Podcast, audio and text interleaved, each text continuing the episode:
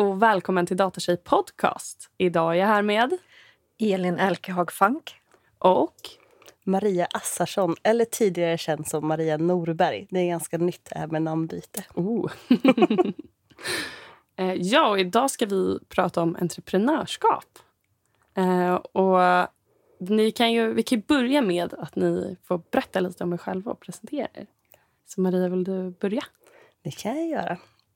Eh, nej men jag är väl någon form av kreativ entreprenör men också tekniknörd eh, i hjärtat. Eh, så jag, tekniskt är jag liksom utbildad som civilingenjör. Jag läste industriell ekonomi på KTH. Eh, mm. Men sen så har jag tagit en, en sväng in i storbolagsvärlden och som managementkonsult. Eh, men senaste åren så har det varit fokus just på innovation och att bygga bolag. Eh, både att vara entreprenör själv, mm. men också att hjälpa otroligt många duktiga entreprenörer att bygga sina bolag. Eh, så innovation och entreprenörskap är väl liksom essensen av mina dagar nu för tiden. Coolt. Mm. Och Elin? Ja, jag är väl mer eh, engineer by curiosity, höll jag på att säga. Men jag är teknikentusiast, har varit hela mitt liv. Mm. Um, och har alltid jobbat med teknik. Mm. Uh, men är mycket, uh, självlärd ingenjör. Uh, har uh, jobbat med teknik och innovation hela mitt liv. Um, men är även strateg och även serieentreprenör både i Sverige och Silicon Valley. Där jag senast byggde ett uh, hårdvarubolag i San Francisco bland annat. Och nu så fokuserar jag på att hjälpa min tidigare CTO och eh, Texavant att bygga ett hem för Sveriges bästa programmerare. Mm -hmm. Coolt. Mm. Coolt. det låter som ett, ett, säkert många lyssnare blir nyfikna på vad det innebär. ja, men, men om vi ska gå lite djupare i, i liksom, eh, frågan. Vad, vad är... Om, man säger, om um, om jag tänker mig tillbaka när jag var lite yngre eh, så var jag lite så här entreprenörskap till folk som har en idé. Och, alltså att jag tyckte att det var lite här, typ? Ja, men typ. Men ja. också lite... Eh, vad ska man säga? Ja, jag vet inte. Jag tror jag hade svårt att förstå vad det var riktigt så. Tänker vi kanske kan börja med så här, vad, vad är entreprenörskap för er och vad är en entreprenör? Liksom? Och det här är ju inte som att jag bara, det finns ett rätt svar. det tror jag inte att det gör. Det finns lika många Nej, svar exakt. Här börjar du. som så det finns kan jag fylla på. Eh, nej men för mig tror jag alltså entreprenörskap handlar om att lösa problem och skapa någonting. Eh, mm. Och tänka nytt. Eh, och skapa ett, eh, ett väldigt, väldigt stort värde. Men man börjar oftast utifrån sig själv. Eh, mm. Och sen bygger man någonting större. Eh, och en miljö och kontext som är extremt föränderlig. till skillnad från liksom kanske då de större bolagen eller organisationerna där det finns mycket innovation. Mm. men mm. entreprenörer är liksom själva hantverket. Att ta eh, ingenting till någonting eh, och sen ta någonting till något större och kunna växa det. Mm. Ska jag säga. Eh, för mig har jag också liksom ändå, jag har haft lyxen av att entreprenörskap har varit med mig sedan jag var liten. När jag var, mm. jag tror jag var typ åtta bast. Om man fick fråga vad man skulle bli när du blir stor så var det liksom inte delfinskötare och brandman utan det var liksom jag ska bygga företag. Vilket är helt vansinnigt. Jag hade glömt bort det tills att min bästa polare Ida berättade att men det här sa du när du var liten, tänk att du gör det nu. Liksom. Mm. Min lilla syster sa att hon skulle bli vd när hon var liten. Hon hade förstått. Först sa hon chef och sen sa hon att jag ska bli vd. VD. men det finns något kul. Då liksom, det har varit med mig sedan jag var liten att jag har varit intresserad intresserad av det. Mm. Men sen tror jag inte heller jag hade någon aning om när jag var åtta bast. Liksom, vad det innebar. innebar. okay. ja. jag, jag, har nog, jag har jobbat med innovation. Jag har varit intraprenör först i många år. In Och det innebär då? Intraprenör är att vara lite entreprenör eller förändrare inom ett storbolag till exempel. Att du driver, okay. tar fram en ny produkt eller en ny affärsidé mm. eller något så att du liksom hasslar lite inom ett bolag att försöka liksom få resurser som kanske inte finns och pitcha till någon liksom ledning att vi borde satsa på det här affärsområdet eller den här produkten. och Så, så att man jobbar liksom inom den. Men den stora skillnaden mot entreprenörskap och entreprenörskap är att du har en lön.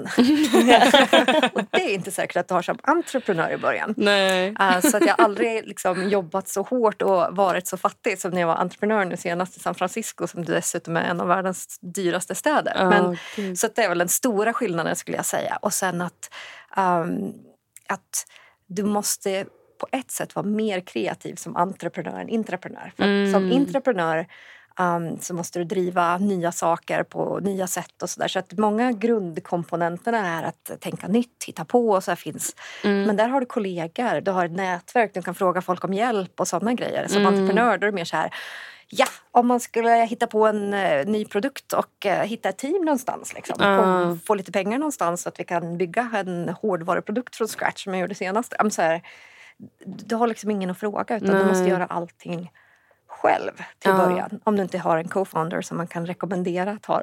Ja. Um, så det är väl största skillnaden mellan intraprenörskap och entreprenörskap. Ja. Den tryggheten, grundtryggheten du har som intraprenör versus entreprenör. Jag kan tänka mig också att intraprenör så är det ju ändå, du har ju ändå en viss ram mm. för vad du jobbar inom. Men alltså entreprenör så är det ju på gott och ont inga ramar på något sätt. Alltså att man kan tänka sig komma på vad som helst. Vilket nog också kan bli spretigt då, kan jag tänka mig. Alltså om man är oerfaren eller liksom så. Ja, men så är det ju. Ja, men det som är, alltså jag tror att storbolag har mycket att lära sig av entreprenörsvärlden. Just det här mm. att um, vi hade en av våra values var liksom speed beats perfection. Alltså att du gjorde saker snabbt. Mm. Det kanske var 80% rätt men om det, liksom, om det är good enough, typ att alla i teamet kände att ja, men 80% good enough, bra mm. då skeppar vi. Liksom, även om det kanske inte var helt perfekt. Mm. Och sen så fick vi feedback från liksom, kunder på sajten. Klickar de på grejer eller vad är det som händer? Och, så där. och sen så tweakar man ur dem. Liksom. Mm. Uh, medans och jag tog fram ett, eh, en hårdvaruprodukt från en dröm som jag hade när jag vaknade en dag där jag lärde mig att koda Arduino boards uh, mm. på ett café i San Francisco. Så tappade jag den på min dataväska och lyfte upp den så började den blinka och tänkte shit vad bra om jag fick ett, en varning om de försökte ta mina grejer och så försökte hitta den produkten. Och så fanns mm. det inte. Sen liksom, ett par veckor senare så vaknade jag mitt i natten och bara ja men sån här grej vill jag ha och så, ska, så här ska den se ut och så här ska den funka och lite så ah, och sen cool. därifrån då på hundra dagar till att få fram en liksom, fungerande prototyp. Det var liksom, uh, ja, det var min resa i senaste bolaget som jag byggde. Då. Um, men där finns det inte några liksom, rätta svar eller vem man skulle fråga. Utan jag gick runt och ställde en miljon dumma frågor. Jag gjorde liksom en liten MVP i Powerpoint. Typ, ah, det ska se ut ungefär så här. Så hade jag min lilla Arduino-board i, i min handväska och gick på så här cocktailpartyn i San Francisco. Så bara, ah, men jag skulle vilja göra den här grejen. Har ni behov av det? Och hur skulle det se ut? Och sen så frågade jag um, de techmänniskor jag visste. För jag jobbar som en, um, strategichef på en inkubator för just uh, uh, IoT eller wearable technology. Mm. Um, så det var det jag hade kollat lite, eller så jag kunde lite så här HTML och liksom, kod så men, men jag kunde inte så mycket om hårdvara så det var därför jag lärde mig att programmera Arduino boards mm. som är små sensorer eller minidatorer. Typ. Um, så att ja, när, när jag liksom... Jag fattade att jag behövde någon slags sensorer och såna, någon bluetooth-grej. Vad nu det var, jag visste inte ens vad det hette. Um, och sen något batteri och lite så där. Så gick jag och frågade, men var köper man de här grejerna? Vem? Alltså jag har ingen aning om någonting. Nej. Och en av dem jag råkade springa på uh, på ett cocktailparty råkar vara... Eller det var hon som var vd på eh, Vinnova i Silicon Valley eh, kände jag. Hon stod och pratade med någon snubbe på någon cocktailhistoria. Så jag började, och jag var mitt i min entreprenörsstart då och var så superentusiastisk och bara shit, men här håller jag på med, jag måste lära mig, jag vill ha den här produkten och sådär. Eh, så hon frågade, ah, vad håller du på med nu? Ah, ja, men så drog jag upp min Arduino-board liksom, och liksom, ah, men jag vill ha den här och då hade de precis lanserat Apple-klockan. Jag bara, ah, men jag vill ha den här lilla grejen som är som en liten knapp som jag vill ha i min väska och vill jag få en liksom, alarm till min klocka om någon håller på att sno mina grejer när jag är på ett liksom, party eller sådär till exempel. Mm. Um, och så, hon bara, ah, men det var ju kul och så här. Och sen så eh, kom jag på att just vi stod och pratade med någon annan man som jag inte kände. Så bara, ah, eh, vad gör du för något då? Nej, men jag är typ CTO på Apple. Jag bara, Hmm, Okej, okay. du jag har en fråga. Om jag vill ha den här sändaren, ska det funka med den här klockan? Funkar det? Och så, så. Um, så på den, det var ju lite så här, kanske man inte brukar göra. Så där. Det händer inte lika ofta i Stockholm som i Silicon Valley. Men det slutade med att vi blev kompisar och alltså, han blev min mentor och, och sådär. Så att, mm, det var jättekul. Äh, sen var det lite tråkigt att äh, Apple kopierade då vår produkt sex år senare i Apple AirTag. Uh. Äh, men, men det var, tar jag som den största komplimangen i karriären så här långt i alla fall. Så ja. att, men, men det, var, det var ju en väldigt bra idé. Liksom. Ja, men precis. Så, att, så att, det var, vi, vi sålde den ändå till 53 länder och sådär. Liksom. Uh. Så att, det, det funkar ah, bra ah. länge. Så. Men, men, men det var en, ja, just det här att entreprenörskap, man har inga ramar och man behöver Nej. inte kunna allt. Utan mer så här, jag har ett problem som jag vill lösa, den här produkten fanns inte, ja men då får jag väl hitta på en själv. Då, liksom. uh. Och sen att det går snabbt. Just det här att jag gav mig själv en deadline uh. på 100 dagar vid sidan av mitt jobb. För jag jobbade som strategikonsult då i mm. San Francisco för Telia hade som uppdragsgivare i Sverige. Så att jag var så här, jag jobbade lite i på sidan om i San Francisco sprang omkring och frågade alla människor om hur behovet fanns på kundsidan och eh, tekniksidan hur man gör och sådär. Mm. Och sen så, så gjorde jag prototyper hemma i Sverige på sommaren och liksom konsultade för Telia och satt vid mammas köksbord och gjorde prototyper i lera. Liksom. Och typ så här, ja, men jag hade ingen 3D-printer eller någonting utan jag gick till Clas Ohlson och köpte lite batterier och liksom, ska de vara runda eller fyrkantiga, hur ska de se ut? Och, så där, och mm. drog in folk och AB-testa så här så att de fick dotter-vota liksom, på hur de skulle se ut och så um, och sen hittade jag en eh, firma som då kunde hjälpa mig att, att ta fram hårdvaruprototyper i Kina. Så jag gick upp vid sex på morgonen och typ satt och pratade med fabriken i Kina. Gick och jobbade åtta timmar och sen på kvällen så, så här skrev patent och hittade CTO och liksom startade ett företag. Men så gjorde jag det på hundra dagar. Så Men att, gud eh, vad kul. Ja, så jag speed är lite ja. viktigt i entreprenörskap. Ja, jag tänker eh, spontant något som jag också ville lyfta i, i det här. Att det känns eh, när jag lyssnar att jag eh, tänker hur modig du är.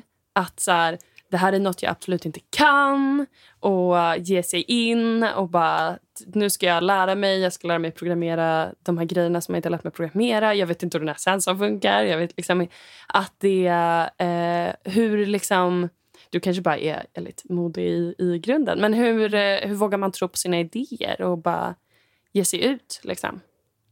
Det är en väldigt svår fråga. ja, nej men alltså, jag tror jag tror att eh, man inte ska vara så jäkla skiträdd för att visa att man inte kan saker. Folk är mm. så himla rädda att göra fel. Mm. Alltså jag hade ingen aning om hur man gjorde hårdvara. Jag är ju så managementkonsult. Liksom. Jaha, hur fan mm. bygger man liksom en hårdvaruprodukt från scratch? Jag, visste väl inte jag, jag var tvungen att fråga. Men nu, jag menar, jag kan ta isär liksom, en mobiltelefon och visa vilken varenda komponent är. För nu har jag varit i liksom, sen och varit på de här fabrikerna och kan allt. Alltså, här, Alla måste kunna vara nybörjare ibland. Mm. Och, och just det här att tidigt gå ut och prata med kunder. Mm. Alltså, jag gick ju med folk med en servett och typ så här, det här skulle jag vilja göra. Har du samma problem? Så att man liksom verkligen löser riktiga problem. Mm, jag tror att det är mm, mm. viktigt. Och sen att man vågar ställa frågor. Och just det här, de flesta vill hjälpa andra människor. Mm. Alltså, Apple CTO, han satte sig och tog en timme med mig liksom, på deras huvudkontor i Cupertino och förklara hur liksom, deras batterier och sensorer fungerar för att liksom, hjälpa mig utveckla min produkt. Liksom. Mm, mm. Alltså det är inte... Ja, jag tror det. Att det är inte så himla farligt att inte kunna. Nej. Och så här, vad, liksom, vad är det värsta som kan säga, hända att någon säger nej? Liksom. Ja. Så att jag tror inte att, jag tror att, eh, att man inte ska vara så rädd, utan våga. Och ja. sen liksom tänka liksom, vad är det värsta som kan hända? Nej, men någon säger nej eller tycker att jag är lite töntig. Jaha. Ja. Och. ja, ja. ja men precis. Ja, lite så. Mm. Men en, en bra brygga även nu kanske är vad, vad är Hidden Dreams? Nu är det jag som tar upp Hidden Dreams. det är mitt hjärtebarn. Ja. nej, min bebis. Eh, nej, men barn har många namn kan man väl säga. Eh, den rätta termen är väl en venture builder. Det är inte jättekänt i Sverige. Mm. Eh, men vad det innebär att vi både investerar och startar och bygger bolag. Eh, mm. Så vi är både liksom en venture capital eller riskkapitalinvesterare. Jag vet inte, folk känner till Draknästet kanske. Mm. Eh, men vi analyserar också problemen som vi startar bolagen utifrån. Så när vi sätter igång finns inte ens ett aktiebolag. Eh, mm. vi stoppar ner de första pengarna och sen så sitter vi med personerna som operationellt driver bolaget och stöttar, eh, stöttar dem och bygger strukturer runt omkring så de kan fokusera på att bygga bolaget. Mm. jag känner mig igen mycket i det som du pratar om, både liksom om, om entreprenörskap och liksom det som kan vara frustrerande och fantastisk idé. Eh, men också liksom ensamheten av att kunna vara entreprenör. Eh, men jag tycker att idag också så finns det många sammanhang och kontexter där man kan ta bort vissa av de sakerna i ensamheten. Eller som mm. du är mm. inne på, att hitta personer och ställa frågor och be om hjälp och liksom allt vad det nu är. Mm. Eh, och på Hidden Dreams så vårt mål är att starta 50 bolag på fem år. Mm. Eh, vi har startat ungefär någonstans mellan 17 till 19 bolag nu. Det händer väldigt mycket nu i slutet av årsskiftet så det är lite liksom take it or leave. I januari när det här släpps så kommer det nog vara eh, 19, kanske fler bolag som vi har startat. Mm. Eh, alla är fokuserade business to business och software as a service, alltså in, mjukvarubolag, inte hårdvara. Jag har ingen aning om man bygger hårdvara. Eh, det är jättebra att det är olika. Men business to business innebär? Att de kunderna som våra bolag har är andra företag. Mm. Eh, varför? Eh, är för att företag har en större betalningsförmåga. Mm. De kan betala mer för mm. en lösning. Så du behöver färre kunder för en tillräckligt hög intäkt, tillräckligt höga intäkter eller omsättning. Mm. Eh, mjukvarubolag är primärt för att det skalar mycket bättre och kostar mindre att komma till marknad. Mm. Precis som en hårdvara tar aslång tid att utveckla och du behöver liksom lager och fabriker i Kina och you name it. Mm. En mjukvara kan du bygga från eh, källaren som är vårt kontor på Wallingatan i Stockholm. Liksom. Eh, och jag behöver inte nödvändigtvis anställa fler personer ju fler kunder jag får. Mm. Utan du kan liksom takta på och få betydligt många fler kunder på, eh, på lika eller eh, lite, några få eh, anställda. Liksom. Mm, mm. Så därför har vi den inriktningen. Mm. Men framför allt så de problemen vi löser, för jag håller med dig, det är också det är kul eh, att man måste kunna lösa ett problem. Mm. Och ett problem som någon är villig att betala för. Mm. Eh, och våra problem som vi löser är extremt tråkiga. Eh, jag tror det var, jag vet inte det var Breakit som skrev att vi bygger Sveriges tråkigaste bolag. Eh, för det, liksom, det handlar det är om... smart. det handlar liksom om att digitalisera ineffektiva processer. Alltså det sitter personer på svenska banker idag och faxar halva dagarna. Uh. Det sitter högutbildade ingenjörer som skifflar papper för produktcertifikat. Mm. Eh, det sitter jätteduktiga inköpare och liksom drar med överstrykningspennor på stora pappersark för att matcha eh, upphandlingar för mat till skolor mot vad de har i sina inköpssystem som grossister. Mm. Alltså man säger helt vansinniga saker som man idag med dagens teknik varför har man ingen, inte gjort det här? Ja. Eh, oftast varför man inte har gjort det är för att det kanske inte är en del av bolaget som har problem med strategiska agenda. Alltså det är inte kärnkritiskt. De ska, så här, Scania ska fokusera på att digitalisera sin fordonsflotta. Mm. Eh, eller ta Ericsson ska fokusera på att bygga 5G och skapa lösningar för det. Mm. De, är inte, de är inte skapta och deras syfte och kärna är inte att bygga digitala lösningar för sina anställdas huvudverk. Nej. så därför gör man det inte. Ja. Men däremot så är tekniken som behövs extremt enkel i dagens tekniska utveckling. Mm. Så det kostar inte så mycket att ta fram en lösning. Nej. Och kan vi då komma och säga att vi hittar ett sånt här problem Säg då eh, ett av våra bolag som lö faktiskt löser problemet med, med livsmedelsupphandlingar. Eh, för en grossist idag som har massa livsmedel som ska sälja mat till skolor och kommuner så tar det dem i genomsnitt kanske åtta veckor att gå igenom en upphandling. För de skriver ut A3-ark och sitter mm. med överstrykningspenna och matchar mot sitt digitala system i vad de har för varor. Mm. Men med bolagets lösning och den digitala matchningen från liksom Excel-filer från kommunen och inköpssystemet som de har så tar det liksom maximalt eh, åtta timmar. Mm. Eh, kanske några dagar om det är många avvikelser. Mm. Eh, och det för de bolagen tjänar de, alltså de sparar jättemycket pengar. De mm. kan vinna fler upphandlingar. Det kan vara fler eh, grossister som kanske är närproducerade som inte haft tiden eller inte haft liksom, eh, möjlighet att kunna ta de kostnaderna och kunna göra. Alltså du får massa positiva bieffekter. Mm. Eh, men ja, eh, som liksom, man inte prioriterar som organisation. Och då mm. tänker vi, då hittar vi dem, vi analyserar dem, vi säkerställer att det finns en tillräckligt stor marknad, det finns ett kundintresse, det finns en mm. köpvilja. Och så startar vi ett bolag, investerar en miljon, rekryterar en jätteduktig entreprenör eller vd eh, som driver bolaget tillsammans med oss. Mm. Eh, och första målet är liksom att hitta en betalande kund som säger jag är villig att betala för den här lösningen om ni tar fram den. Och jag är mm. villig att betala så här mycket. Och då börjar vi bygga den digitala lösningen tillsammans med kunden. Så för att vi mm. alltid vill vara, som du är inne på, nära marknaden. Mm. Och kunna anpassa oss efter marknaden. Så jag inser liksom nu när jag snackar, det låter väldigt logiskt och jag tror att det är, det är nog en del av kärnan i att vi som drog igång Hidden Dreams eh, är liksom det operationella teamet. Vi var polare på KTH. Alltså mm, vi är extremt mm. ingenjöriga. eh, och sen Ska vara streamlinat. Och... Exakt. Eh, och liksom någon form av grundläggande intresse för entreprenörskap och teknik. Liksom. Ah. Eh, men och sen så har vi våra investerare och ägare som är liksom serieentreprenörer och superduktiga. Mm. Så jag skulle säga jag och Fabian och Johan som drog igång det. Vi har liksom doppat tårna i entreprenörskap och startat något bolag liksom innan eh, vi drog igång Hidden Dreams. Vi har liksom inte en liksom, asmycket erfarenhet. Mm. Utan vi har också lärt oss extremt mycket under tidens gång. Mm. Och liksom, ja, grundmålet är så här, går det att bygga en fabrik av att bygga bolag? Mm. Så himla coolt. Går det att skala bolagsbygge? Liksom? Mm. Det är huvudfrågan. Mm. Skitsvårt! Men det går att göra till en viss grad. Mm. För det finns väldigt mycket likheter mellan bolag. Mm. Alltså alla bolag behöver aktieägaravtal. Första gången du går till en person så sa vi jag vill bli entreprenör. Bara, okay, har ni ett aktieägaravtal? Bara, Nej, vad tusan är det? Mm. Skittråkigt och inte alls det jag vill lägga tid på. Nej, gud.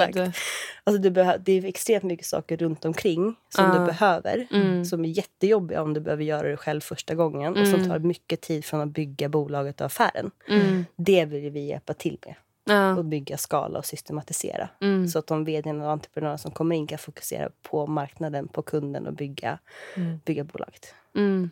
Så ja, ett detektivarbete, ständigt ifrågasättande varför, varför, varför och hur kan man göra det här effektivt och går att göra det här skalbart. Eh, ja. Mm, Long story short. Ja. Men det finns alla olika perspektiv. Ja, men så himla bra. Det hade, det hade jag gillat. Nej, men mot slutet, rent krasst, när du är vd så är det typ 80% administration. Ja.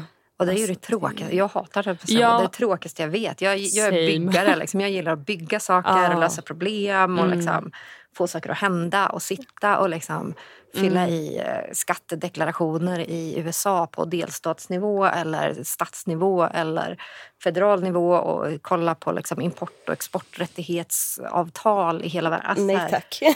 Skittråkigt. Liksom. Men det måste göras om man nu skulle göra hårdvara men, eller produkter. Men, men det, finns, det är den mindre glamorösa delen av liksom, entreprenörskap. Mm, kan man ju exakt, säga. Exakt. Så det ni gör är ju supercoolt.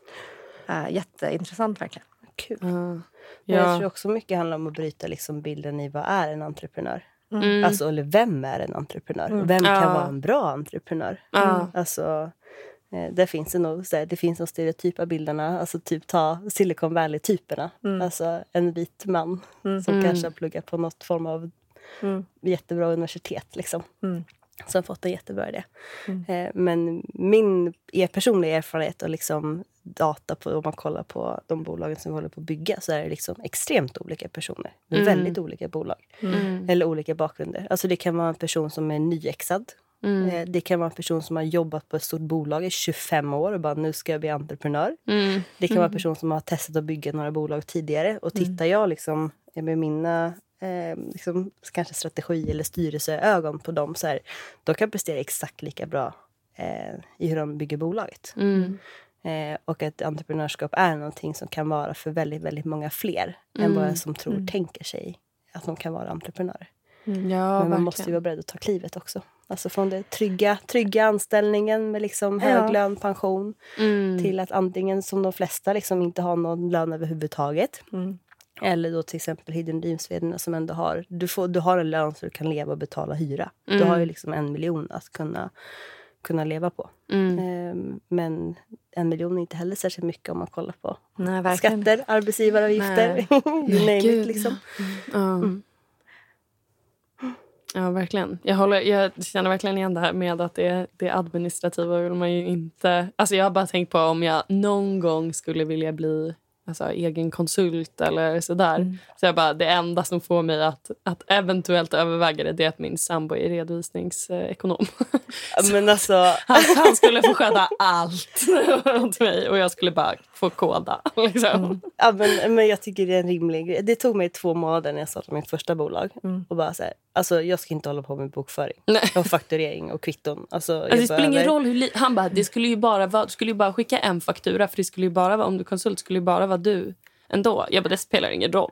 alltså. mm. Och det handlar om att förstå sina styrkor. Alltså det är det det kommer ner till. Jag ska ja. absolut inte... Alltså jag är jättedålig på detaljarbete mm. och sådana saker. Mm. Så att, att betala någon som är duktig på det och mm. som har det som styrka kan hålla koll på och säkerställa att det är berett mm. eh, är mycket mer värt för de pengarna som jag kan betala för att någon annan ska lösa det mm. kommer göra att jag kommer kunna spendera den tiden som jag skulle lägga som antagligen tre gånger så mycket som mm. den som är duktig på det ja. på att skapa mer värde. Mm. Så att det är mer värt rent också finansiellt mm. och mm. emotionellt, och emotionellt ja. Eh, att någon annan gör det. Ja. Och det tycker jag är en jätteviktig faktor ja. innan man bygger bolag. Alla Inse vad man är bäst på och vad man behöver kompletteras med.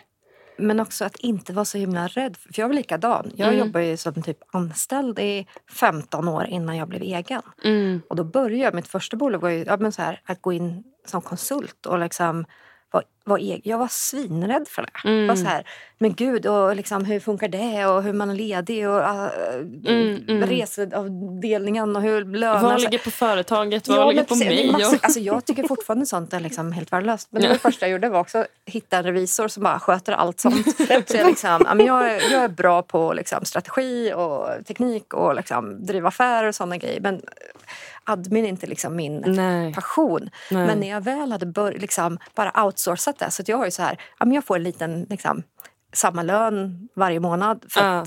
jag har inte speciellt mycket utgifter och jag, liksom inte, jag har typ noll statusstress. Så jag liksom känner att jag har liksom tryggheten. i uh. liksom, Jag vet mm. att jag kan betala lön och eh, hyra och mat.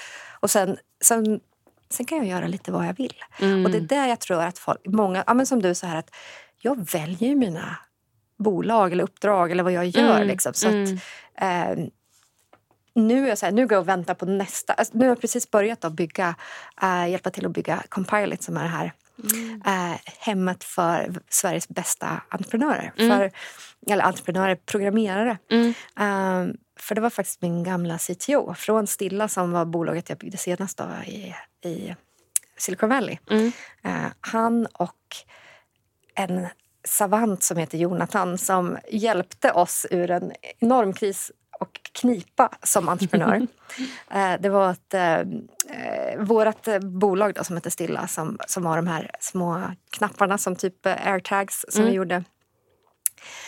När det började gå riktigt bra så, så jag hade på grund av admin så var det mycket lättare. Och att jag, satt i Sverige, eller jag satt i San Francisco och så satt min produktchef och min CTO i Sverige. Mm. Och så där så var alla konsulter. Även jag själv konsultade liksom för att vara rent administrativt mm. enklast. Mm. Uh, och uh, uh, Isak som jag heter är skitduktig webb Eh, frontend eh, och backend-ingenjör eller mm. programmerare. Mm. Mm. Men hade inte jobbat så mycket med hårdvara för hårdvara är som sagt en väldigt udda fågel i de flesta världar. Liksom. Mm. Så då hittade jag ett team i LA och Ascension som, som hade jobbat på typ Sonos eller liksom var van med att liksom ta fram hårdvaruprodukter som hjälpte mig. Så jag var deras första kund när jag gjorde den här första prototypen där på 100 dagar. Liksom. Um, och jag behandlar, det är också en sån svensk, svensk entreprenörskap eller svensk mentalitet jämfört med internationell äh, mentalitet. Att vi är ganska naiva äh, svenskar generellt. Mm. Äh, vi är ganska snälla. Alltså vi är sådär, mm. såhär, säger jag någonting och skakar hand då, då litar jag på det och man tror på varandra. Liksom, sådär. Um, så jag hade ju de som ja, hårdvaruprogrammeringsteam så de hjälpte oss även med apputvecklingen. Mm. Uh, så de hade ju tillgång till vår GitHub och liksom all kod och alla, ja, mm, all, mm. all, all, data som vi hade i bolaget. Um, och sen då så började jag sälja och det började gå bra. Och vi kom in på AT&T som är Sverige, eller USAs motsvarighet till Telia och sådär. Och vi började liksom, mm. det började funka riktigt bra. Mm. Då var de livrädda och trodde att vi skulle byta ut dem mot uh, Flextronics som är en typ där Apple gör sina produkter och sådär. Mm.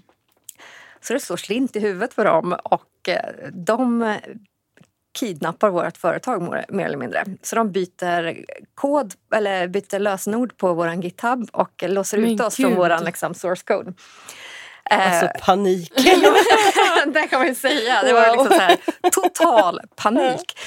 Um, så då, som tur var hade jag då träffat, uh, eller Jonathan som är den här savanten. Som är, han är helt magisk, jag kan prata om honom. Men Um, han hade då varit i, på Apple för han var så 14 år när han, eh, eller han började programmera när han var typ 10 och sen så byggde mm. han den första appen som kunde eh, låsa eh, Snapchat-bilder. Um, typ så, här, så att han fick ju typ mm flera miljoner downloads liksom, skittidigt när man var typ 14 år. Så att han blev ju överflyttad till liksom, Apple försökte rekrytera honom och sådär. Och, mm. och så, så, att, eh, så vi träffades då, eller när våra vägar korsades i San Francisco. Så han kommer in och på fyra dagar bygger han om våra appar från scratch. Både Android och eh, iPhone. Men vilket har tagit så fyra månader från våra liksom, eh, våra vanliga, ah. eh, vårt team som vi hade betalt massor för. Så han går in och bara typ räddar hela bolaget liksom, eh, rent tekniskt.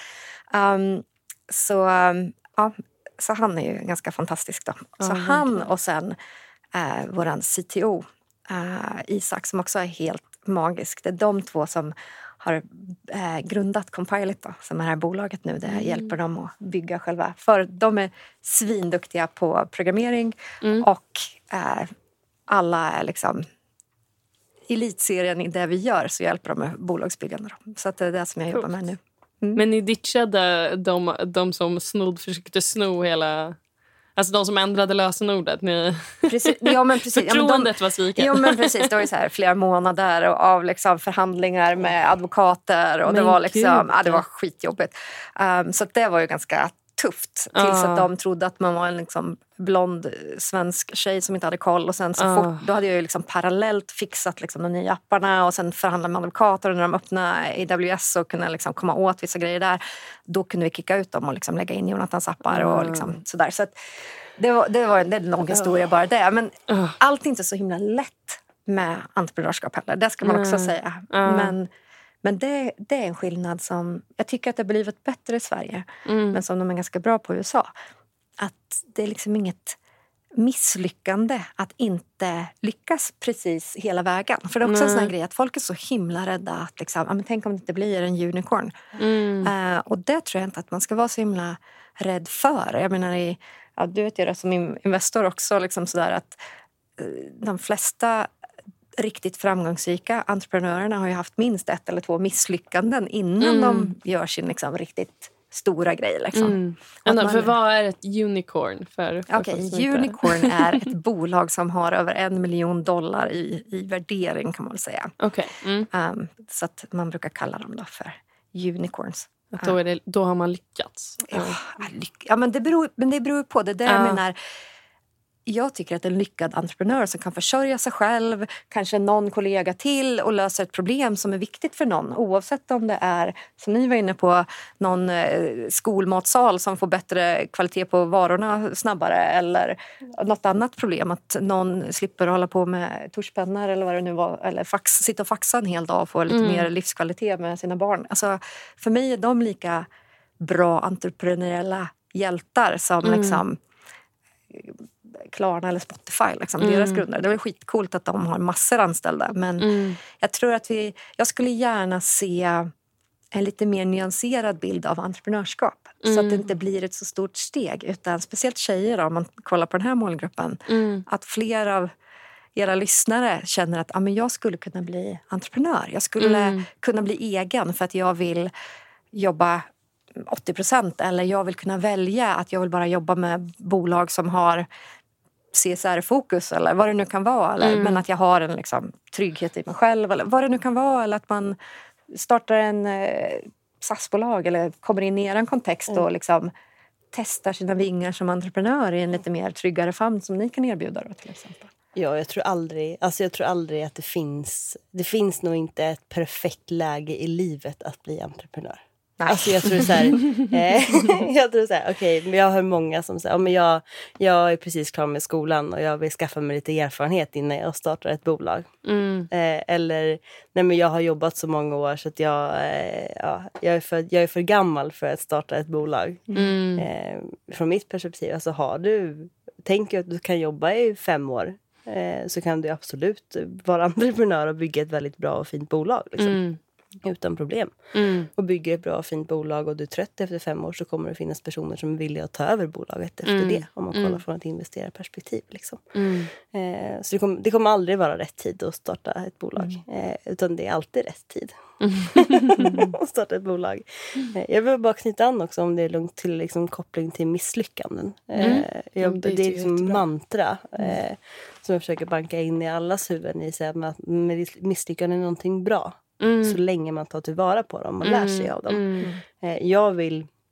Alltså fail fast är väl liksom ett känt uttryck. Men jag, här, jag vill att våra vd jag vill att mina anställda och medarbetare ska misslyckas så ofta och så fort som möjligt. Mm. Och att de ska vara experter på att identifiera att nu gick det inte som jag tänkte.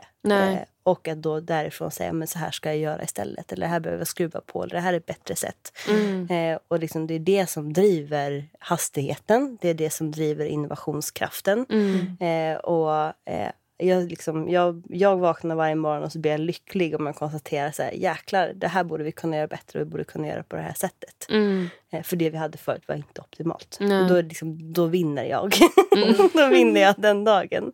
Eh, och kopplar man till att bygga bolag, det är ju bättre att så fort som möjligt identifiera att ett bolag inte kommer flyga som mm. entreprenör. Mm. Lägga det åt sidan och starta ett nytt bolag mm. och göra om det. Mm. Det värsta som finns är att man drar ut på tiden och man kämpar och man kämpar och kämpar för någonting som man aldrig kommer lyckas med. Mm, så hellre, hellre så snabbt som möjligt. Mm. Eh, och det jobbar vi jättemycket med, att liksom hitta processen och strukturen för hur kan jag identifiera huruvida ett bolag ska flyga eller inte.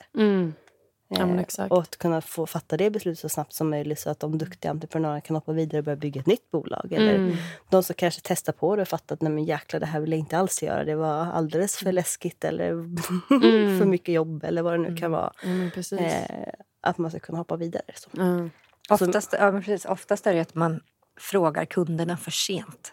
Att ja. man sitter på kammaren och så programmerar man en skitcool grej eller en lösning ja. som man tycker är jättebra och man skäms för att gå ut med den för tidigt. Liksom, så mm. att man mm. gör en jättebra lösning och sen så kommer man fram och så bara, men det där var ju liksom inte riktigt det problemet vi hade. Mm, eller man liksom missar. Ja. Och då är det lite som, som många i Silicon Valley också säger, att alltså, om du inte skäms för din första produkt så är det för sent. Liksom. Mm. Alltså, lite, lite så, liksom, att det ska vara nästan pinsamt tidigt. Liksom. Ja. Jag, menar, jag hade som sagt en, en powerpoint-mall som jag hade klippt ut och tejpat fast på en grej som jag kan visa folk. Ja. Och det var liksom superpinsamt. Det var att visa Apple CTO var liksom en papperslapp med ett batteri på. men det var så här, super, super, super tidigt. Liksom. Uh, men, eh, ja, men exakt. Ja. Nej, men för det tänker jag också kopplar an till så här, agila utvecklingsprocesser.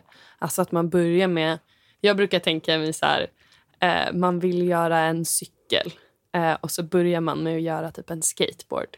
Mm. Den rullar framåt. Mm. Den har inga bromsar, mm. man har inget att sitta på. Mm. det är liksom, men den, man kan testa att den rullar framåt. Och Då mm. kan man ändå liksom säga testa det mot och få svar då om, det liksom, mm. eh, om den inte rullar. Liksom.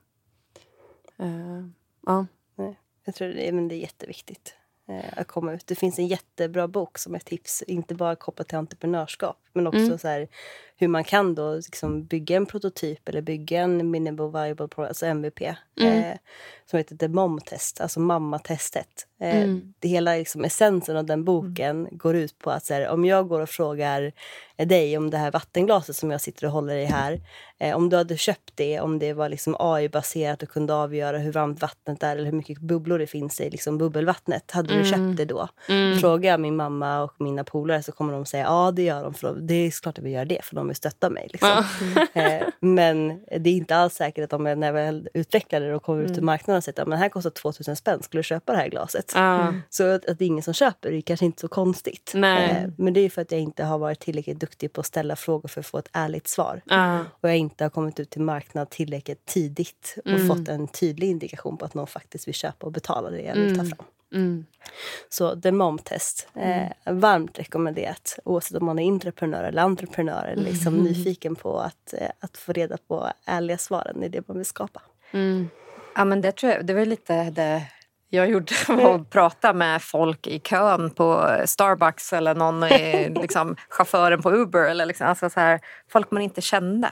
Uh. Och sen vi gjorde en Indiegogo-kampanj, heter det, så här crowdfunding-kampanj som egentligen är pre-sales av din produkt. Så att vi eh, gjorde en video så här, så här, hmm, så här ser produkten ut, så här funkar den, liksom, fast den inte ens fanns. Vi hade, inte ens vi hade liksom bara de här första mm. prototyperna men på riktigt så funkar den inte. För det var egentligen, jag var tvungen att starta ett bolag för jag ville ha produkten. Så det var ju liksom accidental entrepreneur lite så just ja. i det här caset. Då. Ja. Um, men, um, men det kan vara ett bra sätt också att testa intresset. Ja. Liksom så här, är det någon annan än mamma som är villig att betala för det här? Liksom? För det är lite så här... Eller tycker att det är en bra idé. Ja, men mm. precis. För att mina kompisar och de nära tyckte det var en bra sätt. Det var tillräckligt bra och jag fick entusiasm och tänkte att ja, men det här är nog ganska bra. Ja. Men när man då så sätter man ett mål och sen så får folk liksom köpa, inte investera liksom aktier utan de köper faktiskt produkten fast de får vänta 18 månader innan den kommer. Liksom. Mm.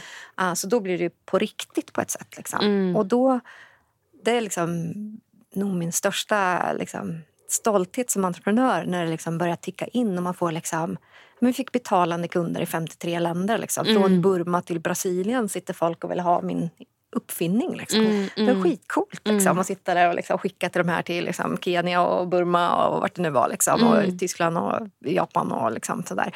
Det är, det är en cool känsla när man liksom...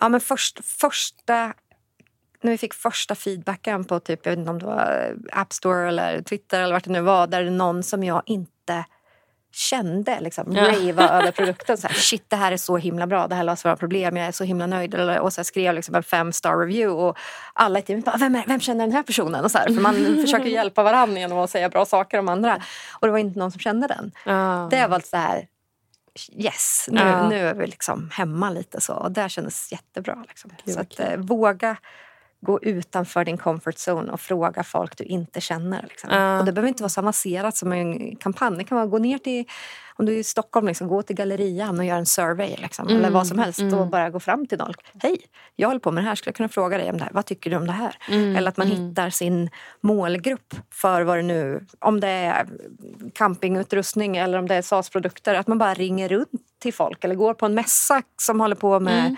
med inköp av eh, mat eller vad det nu var. Liksom, och bara prata med människor mm. och våga det. Så jag tror ska man bli entreprenör så måste man våga. Mm. Jag tror att mod är viktigt. Du behöver inte kunna, men du måste våga. Mm. Mm.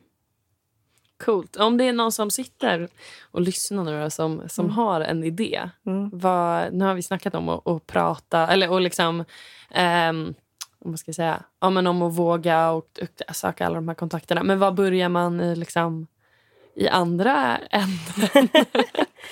jag tycker, jag menar? Ja, jag tycker att det finns vissa liksom, hygienfaktorer som kan vara bra att stämma av. Mm. Alltså, finns det, vem är målgruppen? Alltså, mm. Vem är typkunden? Är mm. det företag eller är det privatpersoner? Mm. Är det gamla, unga, kvinnor, män? Är det tung industri, byggbranschen? Mm. Alltså, vad, vad, är min typkund och hur stor är den marknaden? Alltså går, mm. det, att, går det mm. att tjäna pengar på det här? Mm. Eh, och alltså, I Sverige, vet inte, det är också en svensk grej tror jag, att man inte ska snacka om pengar. Mm. Eller mm. tjäna pengar. Alltså det är fult, men jag tycker liksom det är avgörande om man ska mm. bygga bra bolag. Mm. Oavsett om man ska bygga ett impact startup och hållbar, hållbarhetsfokus eller om man ska bygga business to business eller hårdvara eller vad man nu ska göra. Eh, så eh, kommer det till syvende och sist ner till att man ska kunna bevisa att någon vill betala för det. Mm. Ja, Annars ja. har det ingen mm. effekt. Liksom. Nej. Så förstå hur, hur stor är min marknad? Finns det en potential? Mm. Mm. Eh, att prata med de potentiella kunderna och förstå, vill de ha det här på riktigt? Är de Mm. villiga att betala för det? Mm. Och sen förstå, vad behöver jag för kompetens för att kunna bygga det här? Mm. Eh, å ena sidan så behöver du liksom, kanske de personerna som du och jag är, är liksom, eh, affärsdrivna, strategiska, eh, villiga att prata med okända människor, om en sälj, ta hand om kunder och så vidare.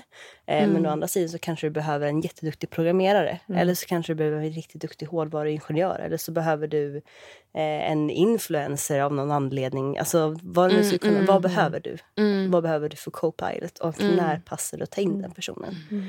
Eh, pratar vi om att bygga mjukvarubolag så som vi bygger, om att du ska sälja innan du bygger det tekniska.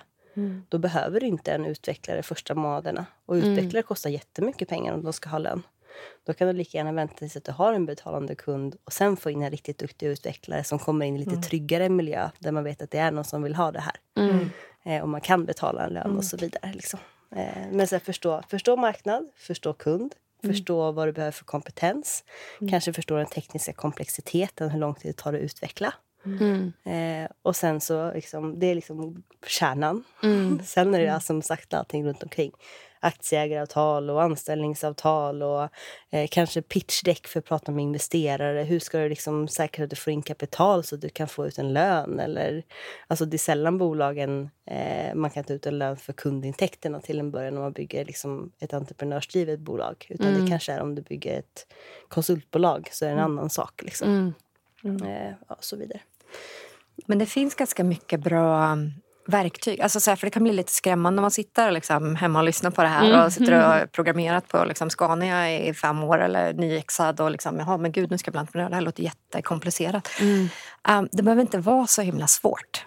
Uh, utan man behöver inte kunna allt. Det finns, dels finns det jättemånga eh, organisationer. Jag jobbar med, eller jag är mentor på KTH Innovation till exempel. Mm. Om man mm. pluggar där så kan man gå och prata med dem. Det finns jättemycket. Det finns Sting, det finns som er verksamhet. Det finns eh, Antler, det är venture partner som, som hjälper folk att bli entreprenörer och kommer på en idé sen. Och så alltså det finns jättemycket olika såna organisationer för att hjälpa till. Mm. Men även om man bara sitter hemma på kammaren. Um, ett verktyg som jag använder mycket i supertidiga faser um, är något som heter the business, eller the value proposition canvas. Det finns något som heter the business model canvas som kanske en del känner till. Men det finns ett verktyg från en firma som heter Strategizer som ni kan googla på uh, som heter the value proposition canvas. Okay. Uh, och det är en superenkel template. Det finns en två minuters video. Ni kanske till och med kan skicka en länk i ja, samband med podcasten. Liksom. Mm. Men som är ett sånt konkret verktyg. Och det, I essensen går du till vem är din kund? Och lite så här, vilket värde skapar tekniken för människor och hur tjänar man pengar på det? Mm. Alltså, om du inte löser riktiga problem. Det fokuserar väldigt mycket på vem är kunden och vem är problemet först innan mm. man börjar bygga produkten. För ett misstag som många gör är att man går igång på liksom en produkt som man känner det här är coolt och det borde vara så här. Liksom. Ja, gud, det känner ju jag som utvecklare att jag skulle ju helst bara vilja bygga en ny cool produkt. ja, men precis. Men det är det som man ofta, skillnaden mellan entreprenörskapet en uppfinnare kan uppfinna någonting coolt som inte nödvändigtvis behöver liksom bli någonting. En ja. innovatör eller en entreprenör måste ta den här produkten till en marknad. Ja. Och det är lite som är skillnaden liksom, mellan mm. en uppfinnare och en innovatör. Liksom. Mm. Uh, att innovatören kan ta den till marknaden. Entreprenören behöver nödvändigtvis inte ha hittat på saken själv men kan då ta den här innovationen vidare och bygga den. Liksom. Så mm. där skulle jag säga är skillnaden mellan uppfinnare, innovatör och entreprenör. Liksom, mm. att det är de stegen. Liksom. Mm. mm. Ja men coolt. Det är, eh, vi får mycket, eller jag har fått en del så här förfrågningar om att här, prata om, ja, men dels entreprenörskap också, men mm. också så här, eh, jag är inte supertech.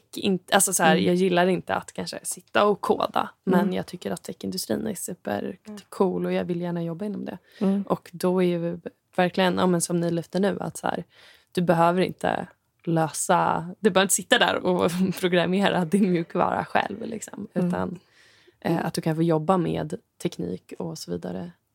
Ja, så nej, verkligen inte. Du behöver inte ens vara ingenjör. Alltså, du, kan, du kan lära dig väldigt mycket. Mm. Alltså, de entreprenörer som jag ser varje dag, vissa har stenkoll på hur man bygger mjukvara och skulle kunna koda den själv men vill bygga businessen istället. Mm. Andra har absolut ingen aning vad tusan man ens kan göra med mjukvara. och det, kan man, det lär man ju sig. Mm. Eh, men jag tycker också att det är viktigt att belysa. Alltså på, I Sverige så har vi en utmaning när det kommer till, till, till liksom tillgången på duktiga mjukvaruutvecklare. Mm. mm. Jättestor brist. Eh, mm. KTH, var kul KTH Innovation. En utmaning som jag hade när jag liksom var på KTH var just att liksom, ja, ta stereotypiskt nu såklart. Indeckare ville liksom, hade coola affärsidéer och en business en utvecklare hade utvecklat en app och inte visste hur de skulle sälja den. Mm. Och så var det jättesvårt att matcha däremellan för att utvecklarna vill inte jobba med att jobba indäckare och indäckarna alltså, mm. vill inte sälja de där tråkiga apparna. så det fanns liksom inte en, mm. en, en så himla bra match. Mm. Och det behöver vi se, se över liksom, mm. i startup-ekosystemet i Sverige.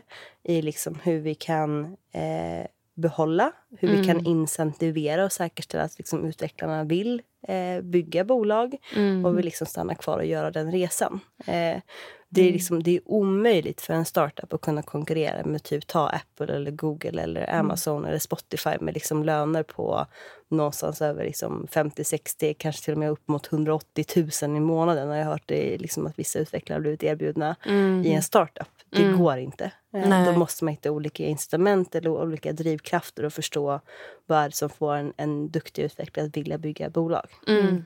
Eh, och vi behöver kunna få hit eh, duktiga utvecklare från utanför Sverige.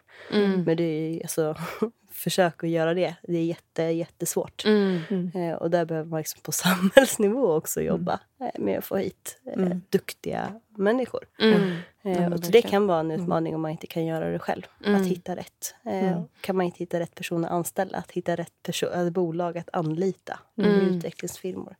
För det kan liksom make it or break it. Ditt exempel är jättebra där.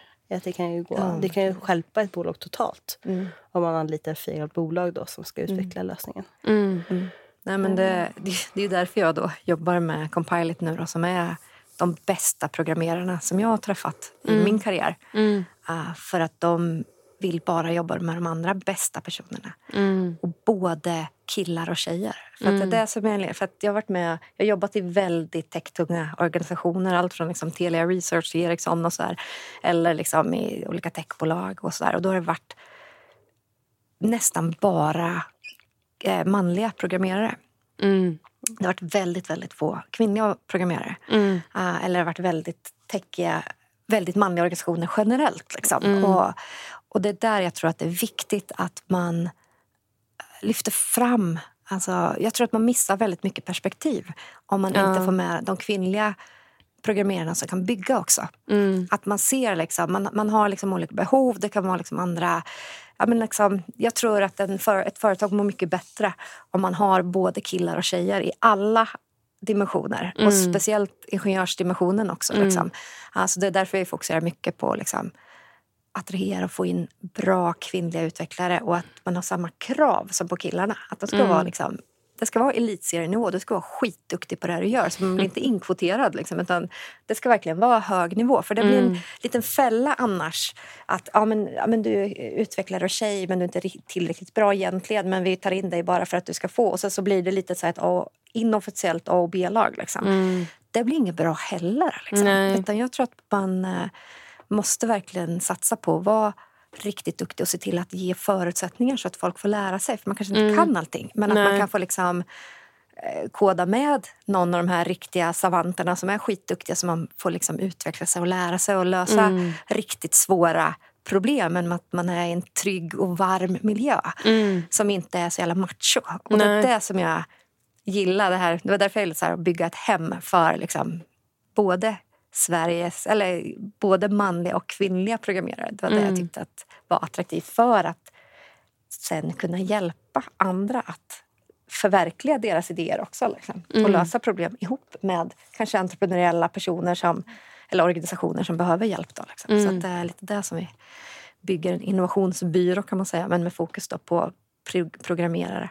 Mm. Och det är kul. Coolt. Mm. Kul. Men om man, om man ska starta upp någonting så behöver man ju pengar för att kunna gå runt. Hur, mm. Hur skaffar man dem? Hur kommer man dit? Först och främst tror jag att man behöver ofta mindre pengar än man tror. Mm. Um, i början. Mm. För att kunna bevisa ett koncept eller för att liksom bygga en prototyp. Mycket kan du göra. Jag började som sagt mitt senaste bolag vid sidan av mitt riktiga jobb. Liksom. Så jag mm. gjorde, jobbade på kvällar och helger.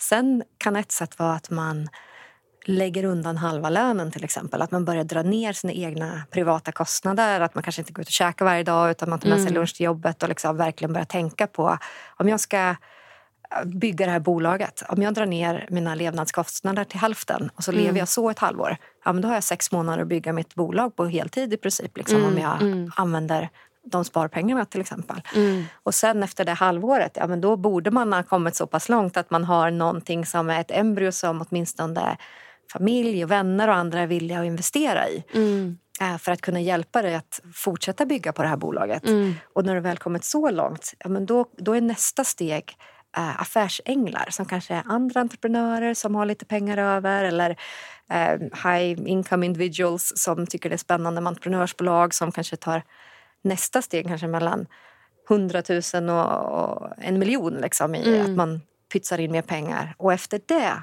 så finns det ju massa riskkapitalbolag i diverse olika former som kan hjälpa dig att ta nästa steg då i något som man säger A-runda eller seed capital som är först och sen A-runda och B-runda och C-runda som är liksom en förklaring av hur mycket mer pengar man lägger in. Då. Men mm. det finns en hel del man kan göra. Men eh, mm. du kan ju mer om det här just med riskkapital.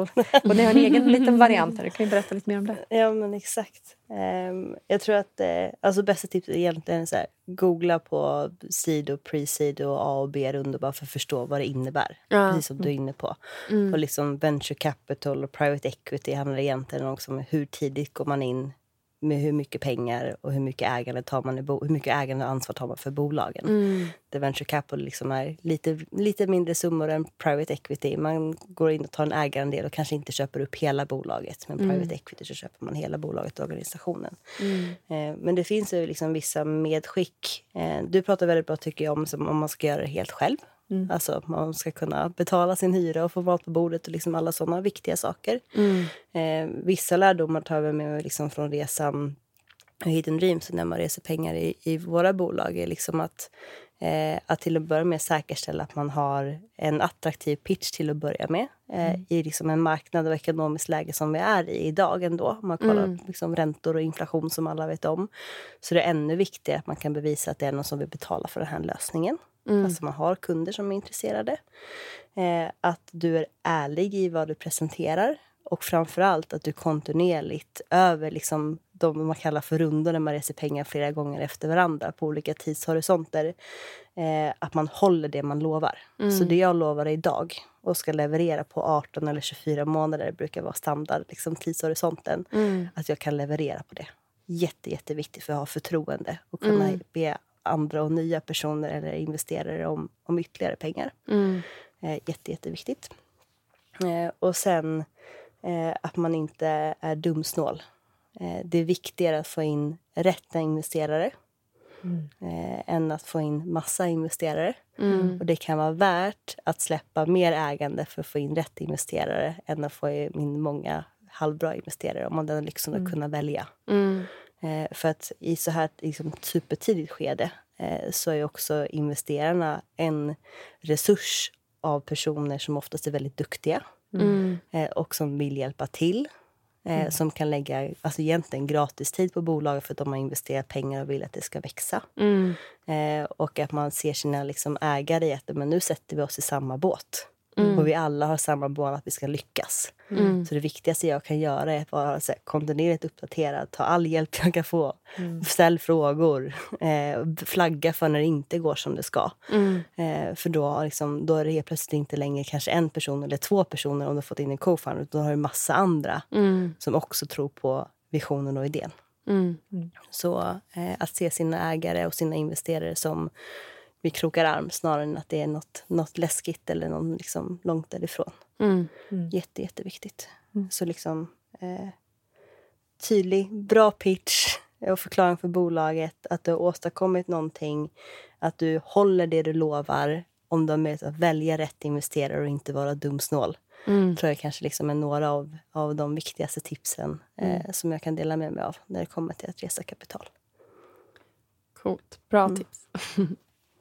Ja, men toppen. Tack för att, ni, för att ni kom hit. Det har varit jättelärorikt för mig och säkert för jättemånga av, av lyssnarna också. Jag hör av er tänker jag om ni har fler frågor eller funderingar. Ja men gud ja. ja vi, vi, vi har tjatat om, hör av er och be om hjälp och ställ ja, frågor. Precis, det finns alla liksom gånger. Här. Så det, fin det, finns inga dumma frågor och vi hjälper gärna. Så att, eh, vi får dela kontakt, kontaktuppgifter och sådär. Ja, uh, eh, LinkedIn eller mail. Jag tycker jag lägger i... Uh, LinkedIn funkar skitbra. LinkedIn. Ja. LinkedIn, men skriv gärna datatjej för jag får jättemycket requests. Uh, så skriv gärna datatjej ja, för då, då, kommer jag svara. Liksom. Ja, ja. Uh, så att, uh, skriv gärna datatjej när ni mejlar. Ja, men jättebra. Då lägger jag länkar i avsnittsbeskrivningen. Det låter bra. Toppen. Toppen. Så vill jag också tacka Tom Gorran för intro till podden och Sonica Studio för att vi får spela in här. Jag tycker att alla som lyssnar ska bli medlemmar på Datatjej på datatjej.se och följa oss på Instagram, Facebook, LinkedIn och TikTok där vi heter Datatjej. Och har ni några frågor, förslag eller tankar om podden så får ni gärna mejla mig på podd.datatjej.se. Tack!